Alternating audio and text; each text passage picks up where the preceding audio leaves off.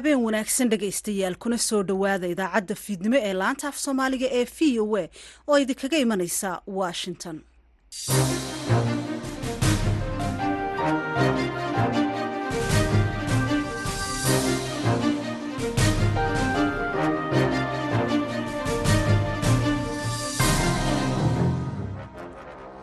Waa fiidnimo salaaso ah sideedda bisha noofembar sanadka labada kun iyo labaiyo labaatanka waxaad naga dhagaysanaysaan mawjadaha gaagaaban hirarka efemyada geeska afrika iyo caalamka o dhan ood nagala socotaan bogga internetka ee v o a somaali com. Afrikada bari saacaddu waa toddobadii fiidnimo waxaana idaacadda idinla socodsiinaya anigoo ah sahre ciidla nuur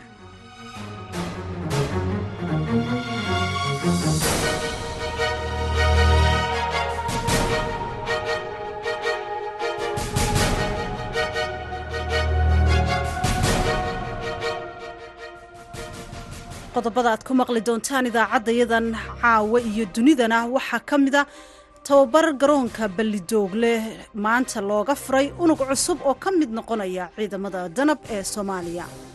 Sida macallimiintu hore u sheegeenba ma tihidiin inta ugu horreeya kii labaad kii saddexaad kii sideedaadaad tihiin ee halkan ka baxaaya ee ciidanka danab. Runtii waxaad la socotaan saaxiibadii idinka horreeyey halkan ka baxay. Cadowga ee casharada ay ugu dhigayaan qaybo kala duwan oo dalka ka mid ah waxaa kale oo aad maqli doontaan wararkii ugu dambeeyey ee ka imanaya deegaanka qaayib oo shalayto al-shabaab ay weerar ka geysteen. Magaaladu waa magaalo istraatiijiya oo magaalo afartii jihaba ay ka xigaan meel maaragtay daaqsimeed xooleed oo ku fiican. Waa magaalo yar oo magaalooyinka soo koraya ah.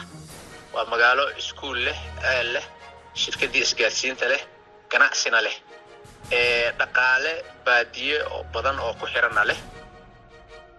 Qodobadaasi iyo kuwo kale ayaannu idiin haynaa marka horese warkii dunida aan idin akhriyo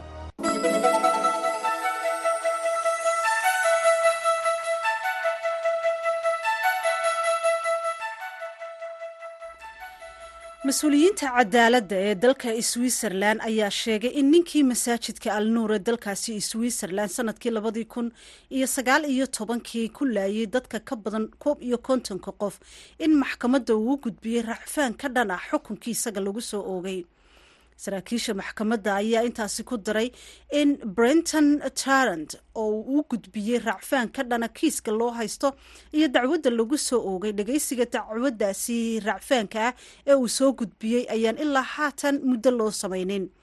Trant ayaa sannadkii labadii kun iyo labaatankii lagu xukumay xabsi daa'in aan cafis lahayn kadib markii lagu helay in uu dil bareera u geystay dad muslimiina oo ku cibaadaysanayay masaajidka alnuur sidoo kalena la sheegay inuu isku dayey inuu dad intaasi ka badan dilo.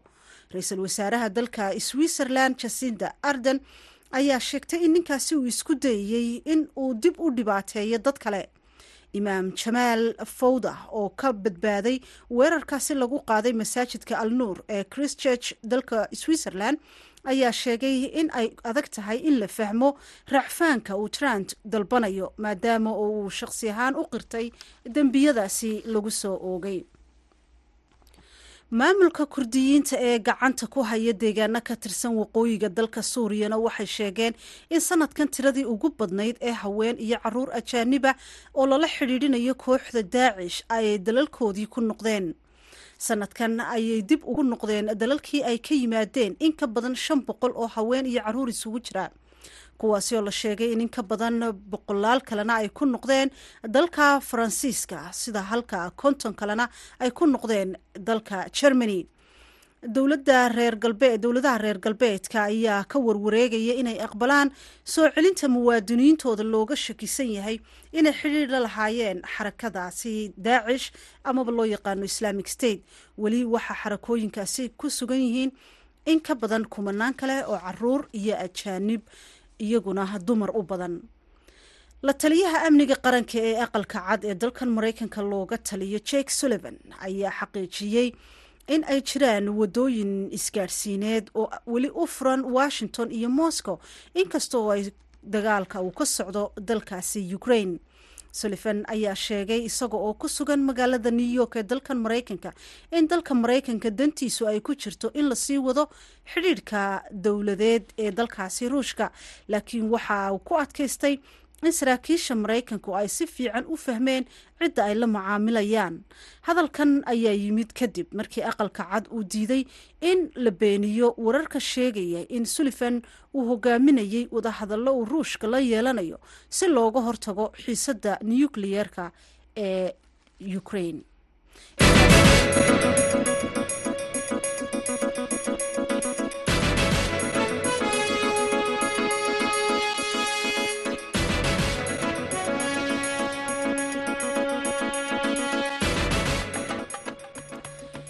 fidnimo wanaagsan akhyaartana dhegeysanaysa halkaasi aad nagala socotaan. Waa v o a washington. Waxaanaad degeysanaysaan idaacaddeenii fiidnimo. Waa bisha noofembar sideedeedii sanadka labada kun iyo labaiyo labaatanka aynu gudagalno idaacaddeenna. Garoonka diyaaradaha ee balidoogle ee gobolka shabeellaha hoose oo saldhigga ugu weyn ee ciidamada danab ee soomaaliya waxaa maanta tababar uu uga furmay unug cusub oo ka mid noqonaya ciidamadaasi danab ciidankan danab ayaa la sheegay inay tababarka siinayaan macalimiin soomaaliya iyo kuwo maraykana sida ay soo tabisay warbaahinta rasmiga ah ee dowladda soomaaliya ciidamadaasi oo ka mid noqonaya ciidamada xoogga dalka ayaa waxaa ka hadlay sareeye guuto odowaa yuusuf raage oo ah taliyaha ciidamada xoogga dalka soomaaliya. Gobolada dalka ayaad ka timideen waxaad la socotaan mushkiladaha iyo dhibaatooyinka ururada argagixisada xagjirka oo ay ku hayaan ummadda soomaaliyeed oo ay bannaysteen naftooda iyo maalkooda sharafkooda iyo cisigooda. Marka inaad taas aad muxuu aha ii sheegay ka hor tagtaan qaybna ka noqotaan la dagaalankooda looga xuraynaayo dhammaan geyiga soomaaliyeed iyo geeskan aan ku naallaba aad iyo aad ayay u leedahay muhiimad gaar ah.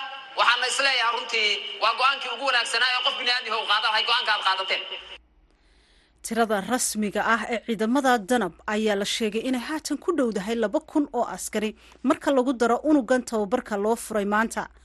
Taliyaha guud ee ciidamada xoogga dalka soomaaliyeed odowaa yuusuf raage oo la hadlayay ciidamadaasi tababarka loo furay ayaa ku adkeeyey inay si fiican uga faa'iidaystaan tababarkaasi military.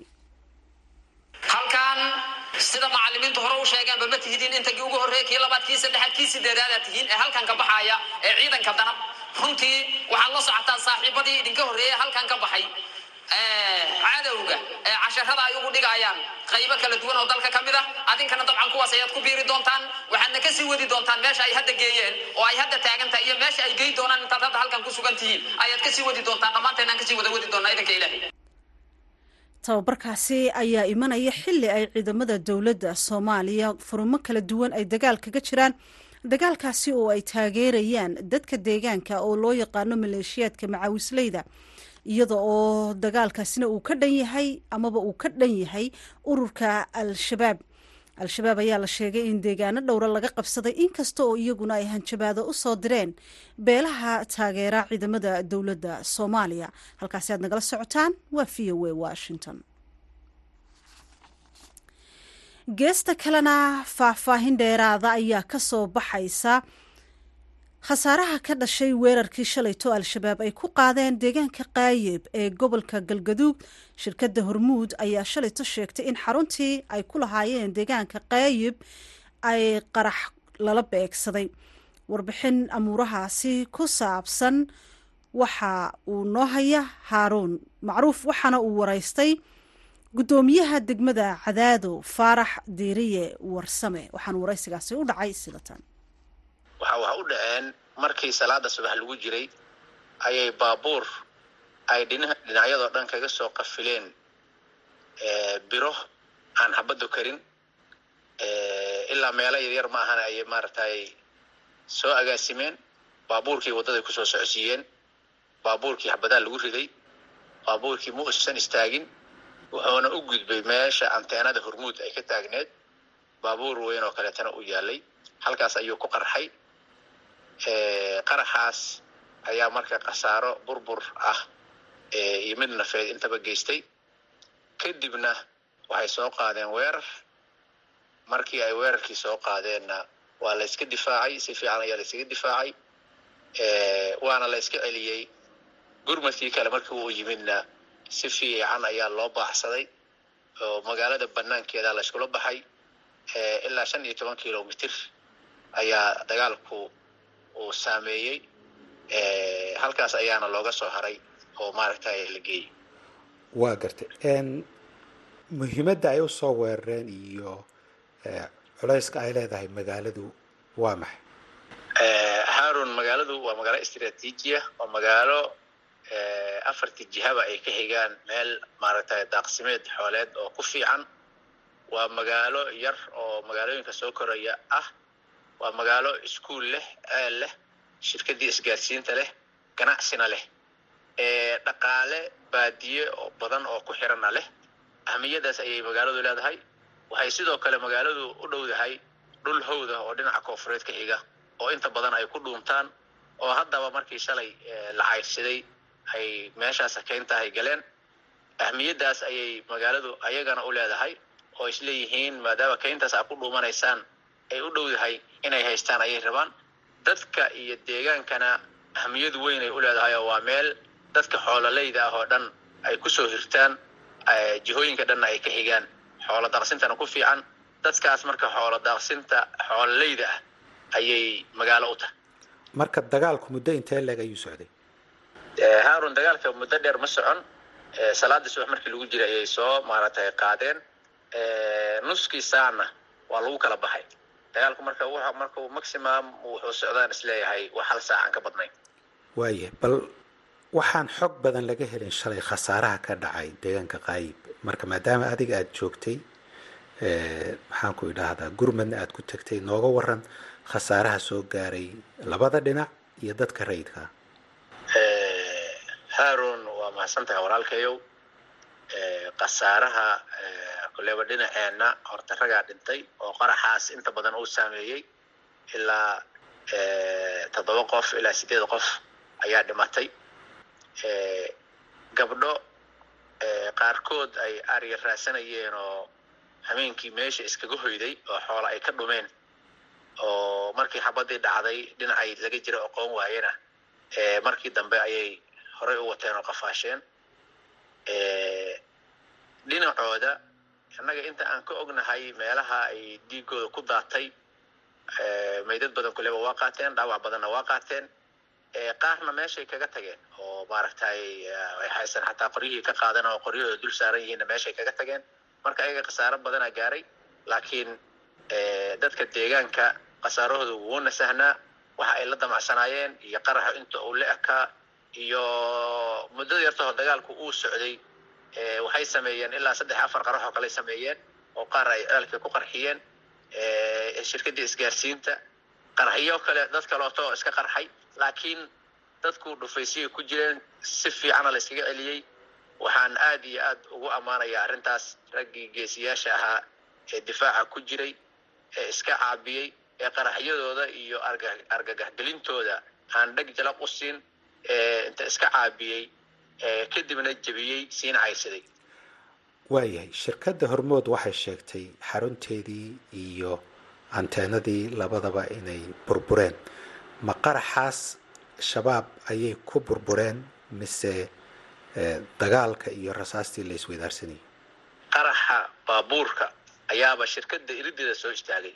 Marka hormuud gurigeediina waa dumay waa sax anteenadiina way dhacday dhammaantoodna waxaa saameeyey halka qarax oo baabuurkaha sameeyey dagaalka kale oo foolka foolka ah meeshaas xarunta ah oo dhexbartanka maba soo gaarin. Waa gartay. Marka burburkaa loo geystay xaruntii hormood iyo maxaanku idhaahdaa iyo anteenadoodii waxaa ka yimid ama ka dhashay deegaankaas inuusan xilligan lahayn isgaarsiin. Nidaamkii lacagaha ay ku tiirsanaayeen isugu diri jireen e v c inuusan shaqaynayn sida ay shirkaddu sheegtay. Marka dad intee leeg baa ku nool qaayib see u saamaysay dhibaatadaasi? Harun qaayib waa sida aan kuu sheegay dadka ku tiirsan nolosheeda ee ku xiran. Waa dad aad u fara badan population fara badan oo baadiye ayay leedahay. Dadka xoololayda ah xoolaha noocyadooda kala duwan geela ariga iyo looda. Intaba waxaa arkaysaa iyagoo ceelka qaayib taagan oo ka cabaya biyo ka cabaya jiha kastana waxaa ka soo gasha waddo xoolood ayaa ka soo gasha. Sidoo kale jidad kale oo waaweyn oo baabuurta iyo safaradu iskugu yimaadaan ayay leedahay. Dhibaato marka dadkaas xoolo dhaqatada iyo dadkii tuulada ku noolaa intaba dhibaato weyn ayay gaarsiiyeen. Dhanka kale qaayib waa meel saddexdii sano oo ugu dambeysay ayagu ay ka talinayeen. Dad fara badan oo ayaga la noolaan waayey oo deegaanka dadkii asal u deganaa ah way ka qaxeen magaalooyinka kaleeta ayay aadeen. Hadda deegaanku xarun iyo deegaan saldhig u ah umuusan ahayn. Marka awal ayaa dadka inta badan ka qaxeen oo ay ka fogaadeen laakiin dad badan ayaa hadda labadii isbuuc oo la soo dhaafay ee gacanta dadka deegaanka iyo dowladda uu ku jiray dhulkaani ayaa soo degay. Dadkaasna anteenadii iyo tashiilaadkii kaleeto ee shirkadda aada ayay ugu baahan yihiin. Waayo su'aasha iigu dambaysa. Deegaanada laga qabta shabaab maamul ma loo dhisaa hadda? Haddaan loo dhisin maxaa caqabadoo hortaagan? Haarun waa mahadsan tahay. Annaga hadda dhinaceenaan deegaanada laga qabtay maamul way lahaayeen horey u lahaayeen maamulkii dabadjoog ayay ahaayeen. Markii lagu laabtayna maamulkoodii ayaa dib ugu soo laabtay maamulkoodii aa shaqeeya maamulkaas ayaa la embower gareeya maamulkaas ayaa deegaanka ka arrimiya oo ka taliya. Kaasi wuxuu ahaa guddoomiyaha degmada cadaado faarax diiriye warsame oo u waramayey wariyaha v o a haaruun macruuf. Halkaad naga dhagaysanaysaan waa v o a washington. Sidoo kalena shantii bilood ee la soo dhaafay waxaa gobolka hiiraan ee bartamaha soomaaliya ka socday dagaal u dhexeeya dadka deegaanka iyo ciidamada dowladda oo iskaashanaya iyo ururka al-shabaab oo ka soo horjeeda. Dagaalkaasi dhul badan ayaa lagaga qabsaday ururka al-shabaab. Guddoomiyaha gobolka hiiraan cali jeyte cismaan oo dagaalkaasi hogaaminayey ayaa shalayto gaadhay magaalada caasimadda ah ee muqdisho. Waxaana maalmaha soo socda la filayaa in uu kulamo la yeesho madaxda ugu sarreysa ee dalka soomaaliya wariyaha v o a magaalada muqdisho cabdicasiis barrow ayaa magaalada muqdisho kula kulmay cali jeete cismaan ugu horeyna waxa uu ka wareystay ujeedada socdaalkiisa muqdisho iyo waxa uu salka ku hayo. Aada aada u mahadsan tahay. Ummadda soomaaliyeedna waa salaamaya meel kastoo ay joogto. Safarkaygu wuxuu ku saabsanaa in wakti dheer ayaanu ku jirnay. Dagaal dagaalkii aan ku jirnay inuu macno sameeyey iyo maxaan ku yihahdaa qeybo ka mid ah dowladda soomaaliya in aan la wadaagno waxyaabo badan oo in laga kaabo u baahan qorshaha dagaalka. Una iyo in waxyaabo badan oo maadaama dagaalku wejiyo badan samaynayo in laga bedelo qorshaha dagaalka u baahan inaan dowladda soomaaliya la wadaago. Xibno ka mida ama madaxda qeybo ka mida ayaan u imid muqdisho waa gartay dagaalka muddo ku dhow lix bilood ayaad ku jirtaan. Waxaad iiga warantaa ilaa iyo hadda meelo aad qabsateen waa la arkay. Ciidamada dowladda iyo dadka deegaanka wada socda ay qabsadeen. Bal waxaad iiga warantaa dhulka hadda aad isleedihiin shabaab gacanteeda wuu ka baxay oo gacantiina ayuu ku jiraa. Maxaad nooga tilmaami kartaa juqraafi ahaan dhulka juqraafi ahaan waxaan horta ka soo bilowna annaga degmada u xigta dhinaca noord ama waqooyi ee la yidhaha degmada matabaan waxaanan ku keenay xuduudda ay iska galaan degmada jalalaqsi iyo shabeellada dhexe. Sayidkaas totalaminto waa la seefgareeyey oo waxaa la dhihi karayaa meel yaroo ama waddo ah meena ku jirto oo dhagarqabayaashu ay geliyeen. Waxyaaba iyo in maxaanku yidhahdayey hagardaamooyinkii cadowga u geystay dadka deegaankaas degan oo aada mooddo diifadiisii weli inay ka sii muuqanayso. Waxyaaba noocaasa marka laga reebo. Qof shabaaba oo qori wadata ee intaas hadda aan kuu sheegay dhistinka dhulka intaa la eg degmada jalaalaqsi ee u soo xigta dhinaca koonfuro iyo degmada matabaan oo u xigta dhanka waqooyi gobolka hiiraan. Dhanka bariga waa ka seef shabaab. Wuxuu uu ku haray oo keli ah dhinaca webiga shabeelle dhinaciisa galbeed. Asagana wakhtiyo dhow haddii alla idmo waa ka seef garaynaynaa waa gartay dad badan baa isweydiinaya amniga ka faallooda. Dagaalkan aada bilowdeen dowladda iyadoon wax qorshaha weli ka yeelan ayaa dagaalkan bilowdeen. Sidee arrintaas ugu dhiirateen? Ka maamul ahaan.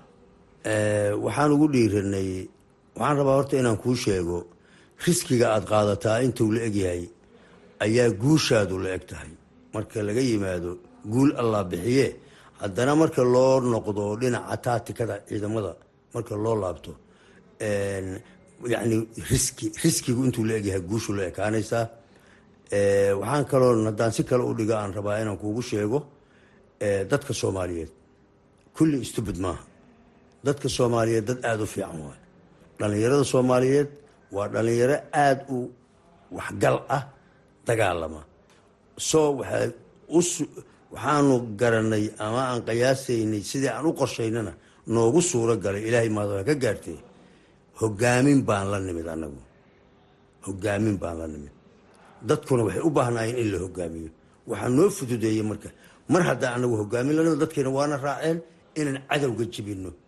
Annagoo kaashanayna allah subxaana wa tacaala iyo ciidanka xoogga dalka soomaaliyeed. Ayaa noo sahashay guulaha aan gaarnay cali jeete cismaan wuxuu ahaa askari ka tirsanaa ciidamadii dowladii dhexe ee soomaaliya. Inkasta uu hadda yahay gudoomiyaha gobolka hiiraan dagaaladan socda ee adoo dib u eegaya khibradaadii dhinaca militariga maxaad ka baratay oo aad ka fahantay waxaan ka bartay dagaalkii horta la yiqiin oo jahana cadowgu kaa jiray jahana ay seef ku ahayd way bedeleen oo jahadii itijaahii dagaalka shabaab waa bedelay oo waxaa ka mid a wax isqarxiya awal lama aqoon. Lama aqoon maxaanku ira dad qoorta laga jarayo. Waxaasoo dhame wax lagu cusub ay noqdeen. Aqoonta aan leenahay iyo maxaanku irahdaayey waayo aragnimada aan u leenahay maxaanku irahdaayey dagaalka iyo waayo aragnimada aan u leenahay iyo waxbarashadii aan ka soo faa-idnay ciidamadii soomaaliya intaba annagoo kaashanayna waxaa noo suuro gashay inaan la rogrogno sida ayagu ay u rogrogayaan shabaabku inaan u rogrogno midda labaad haddaan si kale u dhigo shabaabka dad khatar aan u haysanay. Uu dagaalami karaya uu taati ka yaqaan uu wax badan fahmaya aan u haysanay. Shabaab waaba laba shay un wax kaloo yaqaanaa ma jirto. Qarax iyo brobagando labadaas buu yaqaanaa. Labadaas bas brobagando uu dadka ku argagaxiyo iyo inuu qarxiyo labadaas garanaya. De brobagandana waa soco gacantaa laysula tegayba oo si dhaba ayaa loo dhadhamiya dagaalka. Ugu dambeyn marka yoolkiina ugu dambeeya dagaalkan iyo hadafka ugu dambeeya aad leedihiin oo aad gudoomiye ahaan aad tiigsanaysaan muxuu yahay wuxuu yahay horta haddaan wax yar su'aasha ad weydiisay hal erey ka hor dhigto dagaalka hiiraan ka socda. Wuxuu awal rajadiisu ahayd haddii shabaab ku guuleysto soomaaliya waa looga guul soomaaliya o dhan waa laga guuleystay haddii aan ku guuleysanana shabaab soomaaliya looga guuleystay magaciisu kaasuu ahaa. Waxay u noqda marka shabaab waa looga guuleystay hiiraan. Taa waxay ku tusaysaa soomaaliya inay guuleysatay rajada aan ka rajaynayna iyo ujeeddada aan ka leenahana waxay tahay in aan dadka soomaaliyeed fahamsiino shabaab inay gacmahooda isaga dulqaadaan. Inaan fahamsiino istaraatiijiyadda aan ka lahayna dad broblem kastoo jira ama faa'iide kastoo timaadaa meelun bay ka bilaabataa meesha aan ka bilownay waxay ahayd faa'iidadii ummadda soomaaliyeed ee iska dulqaadi lahayd cadowga dul saaran. Ujeeddada labaadee aan ka leenahana waxay tahay mar haddaan siiraan ka seef garayno in naguma filna snf maaha ama wax la taabo kara weli maaha ilamaa aan ka saarno gobollada kale dalka uu leeyahay. Markii annagu waa inaan yeelano aragti qaran ee aanaan u fekerin aragti gobol iyo aragti degmo iyo inkastoo xilkan hayo uu yahay xil gobol oo uusan ahayn xil soomaali ka dhexeeya uusan ahayn. Haddana qalbi ahaan iyo muraal ahaan iyo maskax ahaanba waxaan aaminsanahay in aan una diyaarsanahay aragti qaran xoreyn qaran dhammaan shacabka soomaaliyeed. Dhibaatada haysata in laga kor qaado. Kaasi wuxuu ahaa guddoomiyaha gobolka hiiraan. Cali jeyte cismaan oo magaalada muqdisho ugu waramayey wariyaha v o a cabdicasiis barrow. Halkaad nagala socotaana waa v o a washington. Haatana jabuuti ra'iisul wasaaraha soomaaliya xamse cabdi barre ayaa socdaal ku tegay dalka jabuuti waana socdaalkii ugu horeeyey ee uu dalkaasi ku tago tan iyo markii xilka loo magacaabay waxaanay booqashadan oo rasmiya oo ah safar shaqo uu qaadan doonaa siddeed iyo afartan saacadood.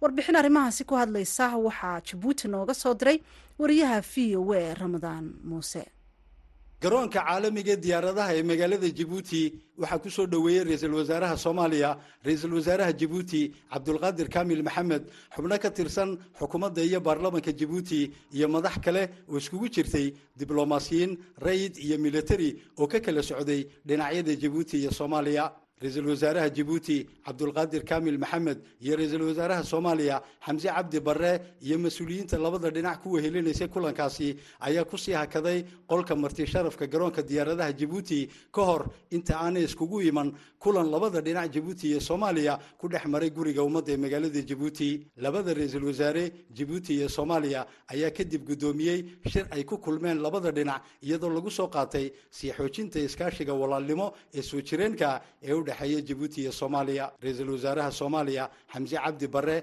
ayaa ka hadlay kulankaasi isagoo tilmaamay xidhiidhka walaalnimo iyo iskaashiga jabuuti iyo soomaaliya u dhexeeya.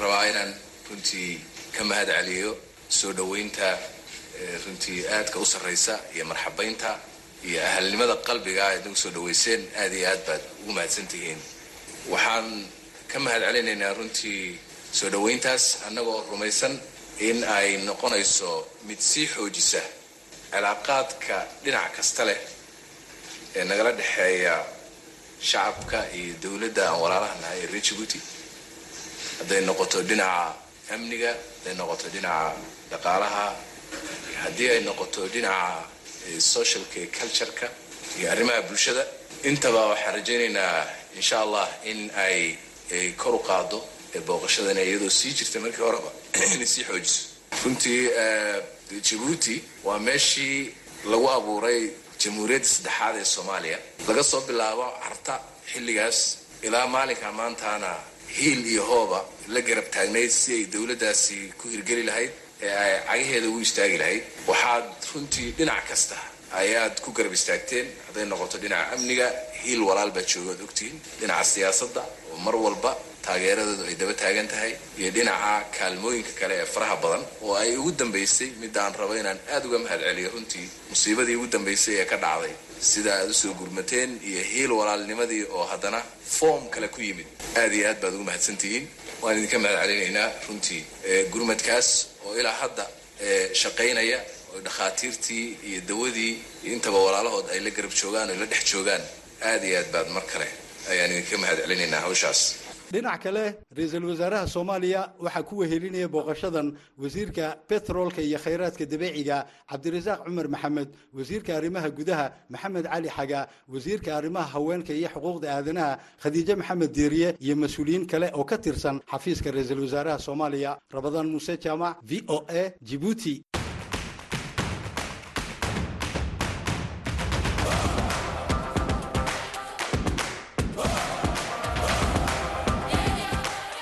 qabsoomidda ciyaaraha adduunka ugu weyn ee ka dhacaya sannadkan labada kun iyo laba iyo labaatanka dalka qatar. Ku soo biir v o eda si aad ugu dabaaldegto ciyaaraha boqorka afrika. Waxaad maqli doontaan falanqayn qoto dheer oo kadib iyo ka horba ah xilliga ciyaaraha. Xiddigihii soo baxay wararkii kuwa guulaha gaaray tababarayaasha cayaartooyda iyo dabcan maankaagaba yaysa ka bixinay taageerayaasha afarta koone ee qaaradda. Magaalada dooxa waxaan halkaasi joogi doonnaa inta tartanka uu socdo. Ee ha moogaanin haddaba madadaalada v o eda ee kooxda afrika.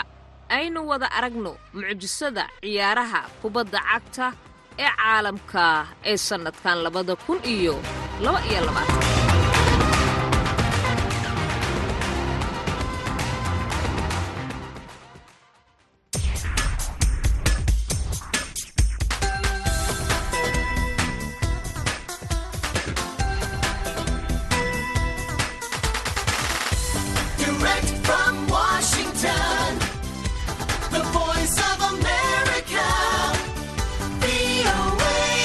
dhegaystayaal ku soo dhowaada barnaamijka toddobaadlaha ee caweyska dhadhaab kaasoo idinka imaanaya laanta afka soomaaliga ee v o eda radioga xeryaha dhadhaab waa barnaamij cusub oon si toosa idinka soo gudbinayna xeryaha qaxootiga ee dhadhaab waqooyi bari dalka kenya. Barnaamijka waxaad ku dhegaysan doontaan toddobaad walba laba mawduuc oo ah kuwa ay ugu hadalhaynta badan yihiin. Bulshooyinka ku nool xeryaha qaxootiga ee dhadhaab waqooyi bari dalka kenya waxaad naga dhegaysan kartaan idaacadda f m t v o eda ee dhadhaab ee ka soo gasha mawjada f m-ka halibar toddoba dhibixle megahartise barnaamijkeenna caawa waxaad ku dhegaysan doontaan laba qodob oo la xiriira waa sidee heerka xanuunka dhimirka xeryaha qaxootiga ee dhadhaab iyadoo toddobaadkan caalamka laga xusay maalinta xanuunka dhimirka iyo qaxootigii horaan dib ugu laabtay soomaaliya balse hadda ku soo laabtay xeryaha qaxootiga ee dhadhaab oo ka hadlaya xaaladihii ay kala kulmeen soomaaliya markii ay ku laabteen shakhsiga toddobaadka toddobaadkan waxaan ku eegaynaa dhallinyarada xeryaha qaxootiga ee dhadhaab iyo caqabadaha ka hortaagan dhanka guurka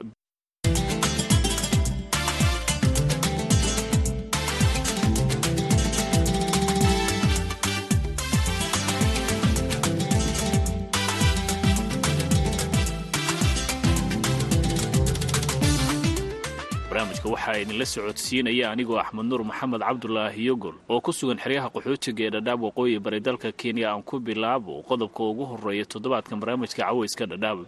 Sanad walba caalamka waxaa laga xusaa tobanka bisha oktoobar maalinta caalamiga ee xanuunka dhimirka iyadoo si la mida maalintana looga xuso xeryaha qaxootiga ee dhadhaab. Hay'adaha ka shaqeeya arrimaha caafimaadka ee xeryaha ee dhadhaab ayaa sheegay in muddooyinkii ugu dambeysay xeryaha dhadhaab ay ku soo badanayeen dadka uu asiibayo xanuunka dhimirka waxaana ugu badan dadka uu ku dhacaya xanuunkan dhimirka dhallinyarada taasi oo ay dhakhaatiirta xeryaha dhadhaab u sababeeyeen. Dhallinyarada oo isticmaalaya muqaadaraad xilligan oo dhallinyaro badan oo ku nool xeryaha dhadhaab ay la daalaadhacayaan xanuunkan dhimirka. Haddaba si aan wax badan uga ogaano xaaladda iyo heerka xanuunka dhimirka xeryaha qaxootiga ee dhadhaab ayaa barnaamijka caweyska dhadhaab ee v o a waxaa uga warramay doctor cabdirashiid daa'uud axmed oo ah madaxa xarunta la tacaalidda xanuunka dhimirka u qaabilsan hay'adda bisha cas ee dalka kenya xeryaha qaxootiga ee dhadhaab gaar ahaan xerada ifo magacaygi waa cabdirashiid daawud axmed. Waxaan u shaqeeya hay'adda reer coos qaybta dhimirka qaybta maskaxda markii la yidhaahdo xanuunada uu kordhay sidai hadda covid nteen uu soo galay. Waayo isku buuqsanaanta isku dardarsanka cabsida argagaxa bada waxa dhan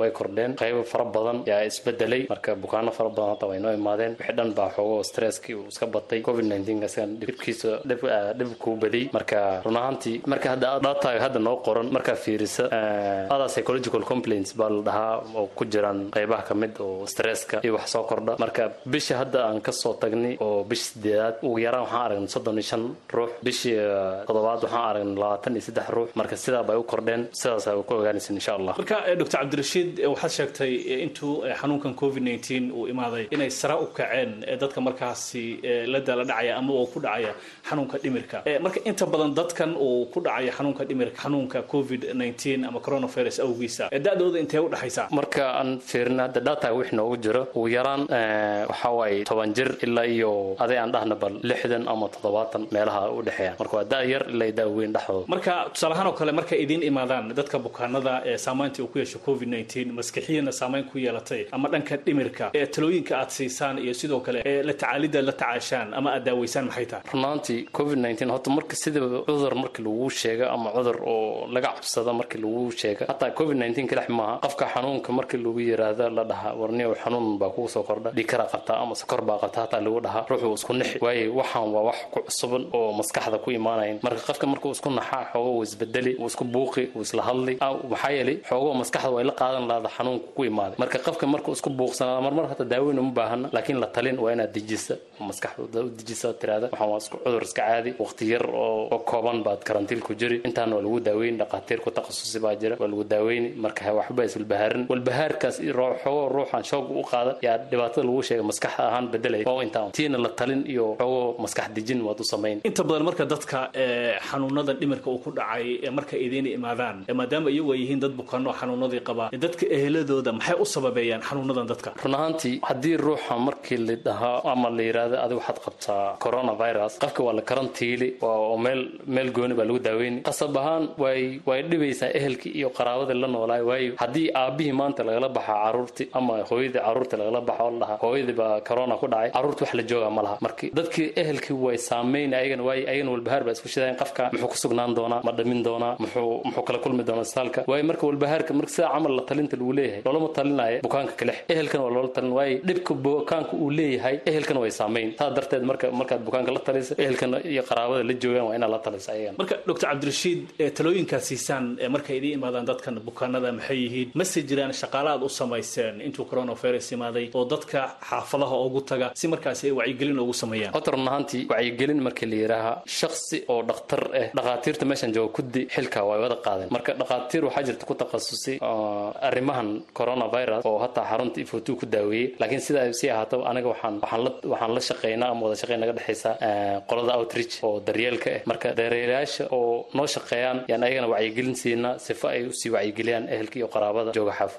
xaafadaha marka markay timaado in qofka uu ku dhacay xanuunka dhimirka saameyn dhanka covid 19ka maxay tahay tallaabooyinka la gudboon qofkaasi ama eheladiisa la gudboon? Horta sida aan horan iin sheegay coronavirus hadda xanuunkan waa xanuun oo nagu soo biiray meelaha 2019ka marka kenya wuxuu soo galay 2020 waxaan dhihi lahaa hadda waqtigan la jooga coronaviruska waa wax joogta ee ugu jira ina la iska caadaysta oo la ogaada. Muhiimadooda waxaa waye uun ah, xoogaho taxadir inaa la sameeyo sidii ah, handwashinka wixii waxyaabaha sida looga hortagi lahay coronavirus. Marka haddii maanta laguu sheegay haddii laguu sheeginba saameynteeda hadda waxaa waye inaad inaad iska ogaada laiska warhayo wax la isku walbahaariyo yay jirin. Walbahaar hadda waagii uu imaanaya ilaa hadda inkastoo isbeddel weyn uu qaybta mental health dhanka maskaxda markii la yirahda laakiin hadda sida hore maaha waxaa waaye wadegahaya waayo dadku way aqoonsanahayaan oo aqoon buuxda bay ka leeyihiin coronavirus. Sida hore iyo sida hadda loo caadaysana isma marka waxaan dhihi lahaa oo bulshadan ku baraarujin lahaa coronaviruska waa wax jira taxadirkaan badinna yaan la isku walbahaarin walbahaarkeena iyo badin waxaan waa xanuun min allaahi marka sida uu imaadan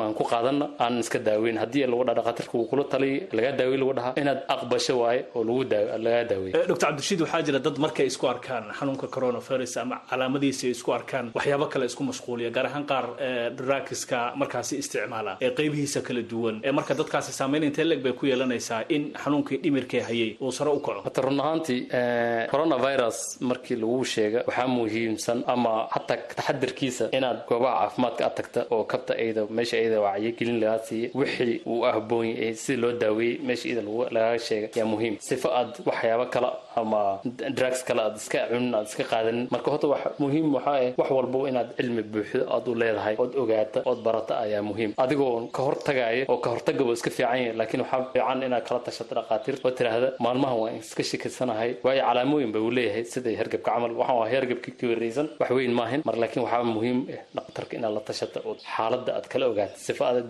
drugs aad u gelin. Ugu dambeyntii marka dr cabdirashiid maxaad oogu baaqi lahayd dadka uu ku dhacay xanuunka dhimirka sababa xanuunkan covid 19 amaba coronavirus awgiis. Ah, bulshada waxaan u baaqi lahaa taxadirka aan badinna waayo coronavirus waa wax jira. Haddaba dadku way saameynaysaa bulshada waxaan u baraarujin lahaa xil ruux walba inuu iska saaro mas'uul oo haddii aad iska dareenta calaamooyinka lagu garanayo sida madax xanuun joogta eh ama hergeb ama qufac xarunta caafimaadka maaw ha lagaa baara. Haddii lagaa helo dhib malaha waa lagaa daaweyni wixii bukaanada kale ay marayna lagu marin. Haddii kale ood caafimaad qabtan taxadirka sii badi. Laakiin bulshada waxaan u baaqi lahaa xilli walba haddii aad iska dareenta calaamooyinka lagu garta corona. Goobta caafimaadka maaw ha lagu baara baaritaan baa lagu yaad marka sifo lagaaga daawey haddii uu kolley xanuunka uu ku hayo. Kaasina wuxuu ahaa dr cabdirashiid daawud axmed oo ah madaxa xarunta la tacaalidda xanuunka dhimirka u qaabilsan hay'adda bisha cas ee dalka kenya.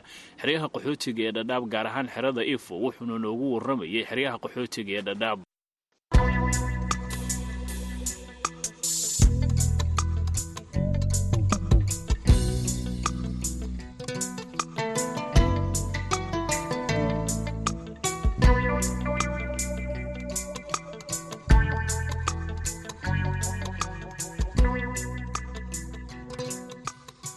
halka aad naga dhegaysanaysaan waa laanta afka soomaaliga ee v o eda barnaamijka toddobaadleha caweyska dhadhaab. Waa barnaamij cusub ay soo kordhaysay v o eda markana aan idinku wareejiyo. Saaxiibkii cabdisalaan axmed salas oo stuudiyaha igula sugan si uu inoogu soo gudbiyo qeybaha inooga haray barnaamijkeenna mahadsaned axmed nuur maxamed cabdilaahi dhegeystayaal waxaad nagala socotaan barnaamijka caweyska dhadhaab oo aad ka dhegeysanaysaan v o a. Si toosna idinkaga imaanaya xeryaha dhadhaab ee gobolka waqooyi bari magacaygu waa cabdisalaan axmed cabdisalaan salas ku soo dhowaada warbixino kale oo ku saabsan nolosha qaxootiga oo aan barnaamijka idinkugu hayno waxaana ka mid ah sheekooyin ku saabsan khibradaha nolosha qaxootiga shakhsiga toddobaadka oo isbuucan aan uga hadli doono guurka dhalinyarada qaxootiga ah iyo dhibaatooyinka ku hor dadban iyo sidoo kale nolosha qaxootigii dib ugu laabtay soomaaliya oo ka sheekayn doona caqabada ay la kulmeen xilligii ay gaareen qayba ka mid ah gobollada dalka balse marka hore dhegeystayaal aan ku bilowno qofka qaxootiga toddobaadka. Dhalinyarada ku barbaartay xeryaha dhadhaab ee dalka kenya ayaa sheegaya inay adag tahay in dhalinyarada ku nool xeryaha ay guursadaan ayagoo sheegay in shuruudo adag lagu xiray guurka gabdhaha qaxootiga ah iyadoo dhalinyaradu ay yihiin kuwo aan shaqayn boqolkiiba sagaashan.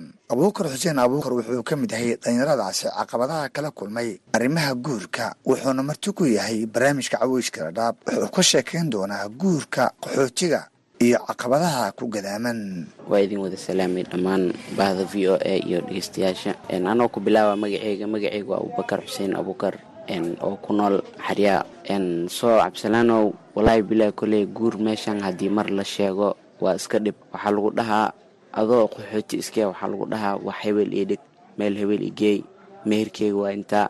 Adina qaxooti aaska tahay meeshan dan iyo duruufa u joogtaa. Wixiina ma awoodid.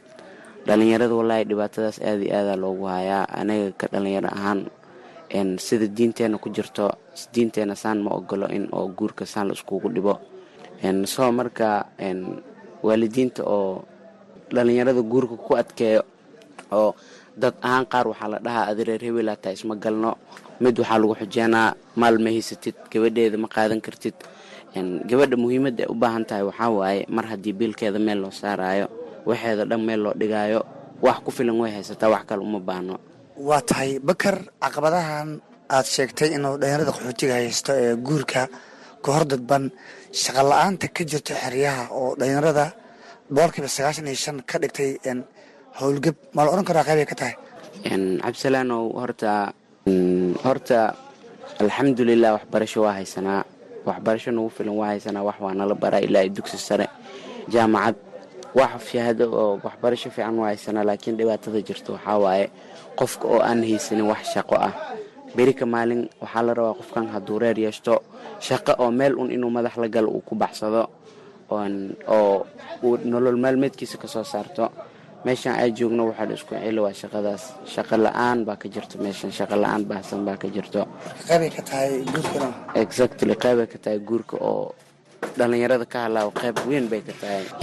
Horta qofaan shaqaysanaynin oon meel uu nolol maalmeedkiisa ka soo saara uusan haysanin oo haddana la sii dhaho wax kaa rabnaa geelkeen waxaa keentaa dahabkeen gabadha meeshaas noo geey meel kasha u guuri abtigeeda kana intaan u baahan yasii qofkii oo asiba la-sanaa meel uu ka shaqeeyo oo fikir shaqa darteed fikir u la-sanaa oo haddana isdhehe bal guurso maskaxda isdejiso oo haddana oo caqabado badan la sii hordhigo la dhaho waxaanan karo waxaanan karo wallaahi dhibaatada guurka nagu haysato waa taas waa tahay in abuukarow markii dhacdooyinka noocaasa qofka dhalinyarada oo ku dhaco oo ay dhacdaba in guurkii oo ku fashilma ama gabadhii loo diido qofka maxaa dhibaataha wajihi karaa? Wallaahi dhibaatooyin badan uu wajihi karaa qofka. Waa ogtahay dhismorala ku dhacaayo qof oo gabar uu ku haminayey oo intaasoo sanariyadiis ahayd uu mar isku daya inuu guursado oo haddana wuxuusan awoodin la soo hordhigo. Qofku waa ogtahay niyadiis wuxuu iska gelin karaadaba qofku waxaa laga yaabaa horta inuu tuug iska noqdo inuu wax dhaco ciil dartiis inuu wax u dilo. Wallaahi dhibaato badana iska jirto. Waa tahay mar sii horeysay culimmada qaxootiga waxay ku baaqeen in guurka shuruudaha laga daayo oo la khafiifiyo.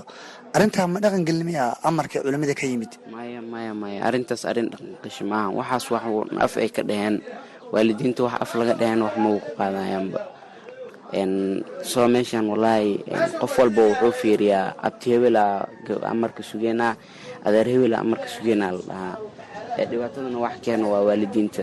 Waa tahay caqabadda dhalinyarada ragga qayba keyso lama dhigi karo maadaama isticmaalka daraagiska muqaadaraadka isticmaalkooda oo dhalinyarada ku bato. Shuruudahan waalidiintii soo jeediyaan ma la dhigi karaa dhalinyarada lagu kalsooneyn dhalinyarada horta isku mid ma ahan.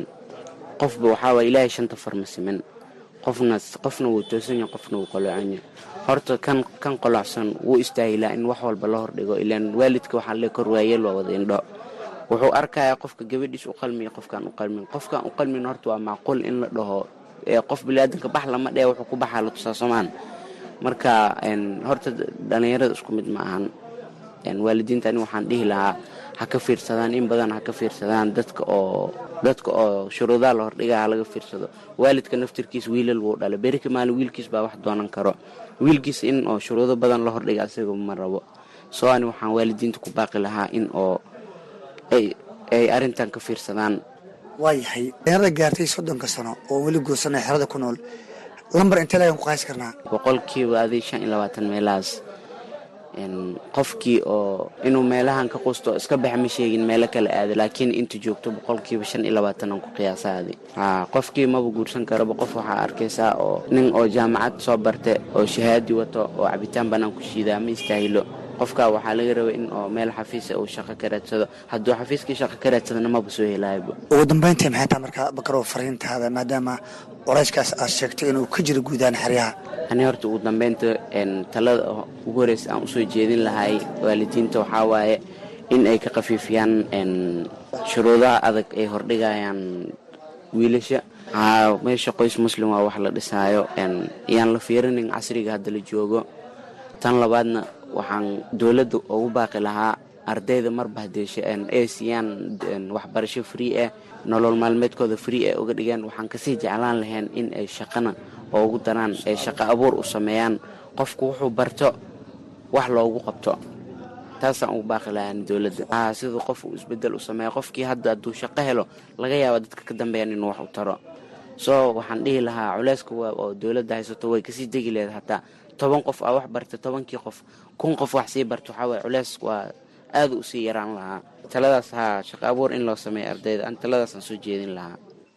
Kaasin wuxuu ahaa abuukar xuseen abuukar oo igu warramay gudaha xeryaha dhadhaab ee gobolka waqooyi bari. Xeryaha dhadhaab ee dalka kenya horaantii laba kun lix iyo toban waxaa ka bilowday dib u celin dalkooda ay ugu laabteen kumanaan soomaaliha oo go'aansaday in ay ku guri noqdaan dalkooda hooyo balse qaxootigaasi oo haatan dib ugu soo laabtay dhadhaab ayaa ka warramaya sababta u kaliftay inay ku soo laabtaan xeryihii markii hore ay ka guureen. Maasha allah saaxir maxamed maxamuud la dhahaa haa gahooti waa imaanay labadi kun idkootomankow ka imaanay. Alxamdulilah haddana wadankaanoo ka laabanay wadankaan markay ka laaban rafaad dhawaa waa tahay saare qaxootiga markaa timid laba kun koo iyo toban ee abaaraha aad ka soo barakacdeen qaabkee baa ladiin soo dhoweeyey waawalhan dhawey kaarabtigan lanasi amti abaara joognaa gahootiga inti dib unku laabanoo yaa fadni. Markuun gahooti marka rafaad dhib xaqani wadankii wadankii isan ku tabteen koymi goorta ilmaha iyo inta walbarashada koymi goorta ka ay dhadaana gali.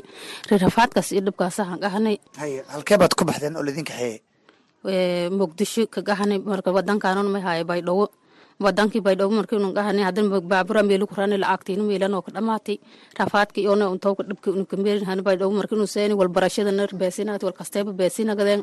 Rafaad iyo dhibahna beri. Maasha allah re haddana hadda gahootigaasku ku laabana waa tahay markii baydhabo aad ka degteen dabcan lacago ayaad ka qaadateen u n c r. Qaabkee baad markaa noloshii baydhabo ula qabsateen. Ah gurigina lacaganagadi biyogina beesinagadeen walbarashada beesinagati cuntadii oneo wada meela seeto ganacsada irtu kala rafaad iyo neo dhiba meela hadan hanku qane waa tahay ma barakacayaasha ayaad ka mid noqotay mise magaalada ayaad markaas nolosha ka bilowday? Barakacada ayaa ku mid nagaday ah gahootiga barakacada ka jari barakacadii haddana haska haayo haddana koy gahootigi ku koytimi ka laawo ilmo ogoon ee haysta gahooti koy ku laawo gaash waa tahay culayska ugu weyn ee kugu qasbay inaad xeryaha dhadhaab dib ugu laabato muxuu ahaa markaa oo baydhabaad kala kulantay? Dhagaal humi iyo new rafaad guri la'aan iyo ilmoba walbarashadiyo iyo ilmo ogoon ee haysta anan shaqeey kor maalintii dharatii dhigee bilaangaha dharhan dhigee inta ku tabee dharatii ha dhigee dharateedi dhigoosho haddana walaay gaalnagadeen untadii gaalnagati guri la'aan waldhaan la'aan guli la'aan iyo nahaysat xeryaha marka waxaad u soo doontay biyihii iyo caafimaadkii iyo waxbarashadii bilaashka ahaa oo xilli hore aad qaxootiga ku haysteen miya? Aa sax gooti wali ono walbarashadii iyo ono maan laawana biyogi ono firiga haayeen cuntadii ono yon intoo haayeen aan laawana qaxootigan ayaa sheegaya in xilligii ay gaareen qayba ka mid ah gobollada dalka ay la qabsan waayeen nolosha magaalooyinkaasi maadaama gudaha dalkooda hooyo aysan ka helin adeegyadii bilaashka ahaa sida biyaha waxbarashada iyo caafimaadka. Dadkii rabaa tareeshinka ka guuri lamada kun iyo toban iyo kow tahagalay xaryaalka yaa kuma dhana haddana dadkii trabatrationka u guuri head un c r hoogaha kaalmaad ansiidi wadankiisaas ka aadi ahayn ilaa ad muddo shan sano ah yaa meelaha ka noolayn. Nololi walyada nanasi intuunu ku qaadani maynagani baalufuur daawo bii gure intaasa nagati marka markii meelinu seeni noolal hadee magaalo hortaa la deganay weli gaabkii ati siilinka nooladaa watee qofka baniaadamka isuuba daraamaa marka u nololi miginu haysad wayni arrimo hegu ku jari yahaani dhadheeb ku jari meelaga unisi arya oo qohtiga qaabilaas migi nis qiyaasni meelisin roontan galli. Marka sidee dib yahanka laabangni? Marka muddo hadda ada luku saddex door oo kale mase adab lambilood oo kale isku dheh iyo boonadoo ya halni yaa raashinka yaa qaadaan unisiar intii hadda kaalmaada horta unu kale intaas waana iidan ka mahadsanta laba bil ka hor wax gargaara oo aad haysateen ma jirin. Maya. Maadaama kaararkiin aad ku guurteen. Maya maya maya. Ma jirin haa wax qaadani ma jirin. Alxamdulilah marka unisar ayadaba markaa shaqo weyn oo yaa haysiba ma lahaynba marka alxamdulilah halkani saasa iskuhaye inta kalena anaga keligaynana ma aha. Intaa taga qof oo qoys yaa meesha iskuul noolnahay marka xaaladayna saas absalaano qaxootiga ku laabtay dalkooda oo badankiis ku noqday xeryaha radhaab ayaan helin gargaar ku filan kuwaas oo qaarkood aan haysan guryo ay ku noolaadaan maadaama qaxootiga la dejiyey guryihii ay ku noolaayeen. Halka qaar ka mid a qaxootigaasina ay barakac ku yihiin qaybo ka mid ah magaalooyinka kismaayo baydhabo iyo muqdisho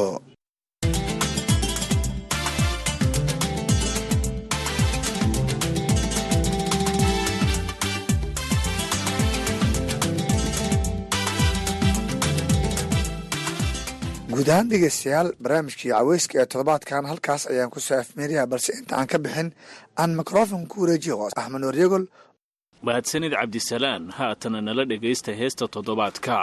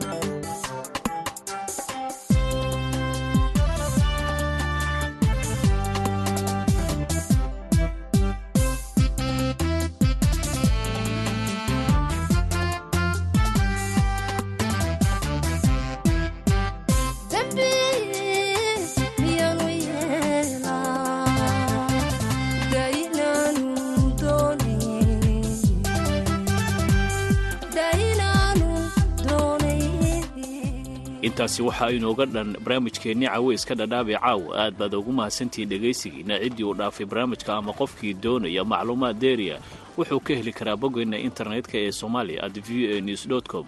Waxaa kaloo aad ka heli kartaan ciwaanada aan ku leenahay baraha bulshada sida twitter-ka instagram-ka iyo facebooka barnaamijka waxaa idinla socodsiinaya anigoo axmed nuur maxamed cabdulaahi yogol iyo cabdisalaan axmed selas oo ku wada sugan xeryaha qaxootiga ee dhadhaab waqooyi bari dalka kenya tan iyo kulanti dambe nabadgelyo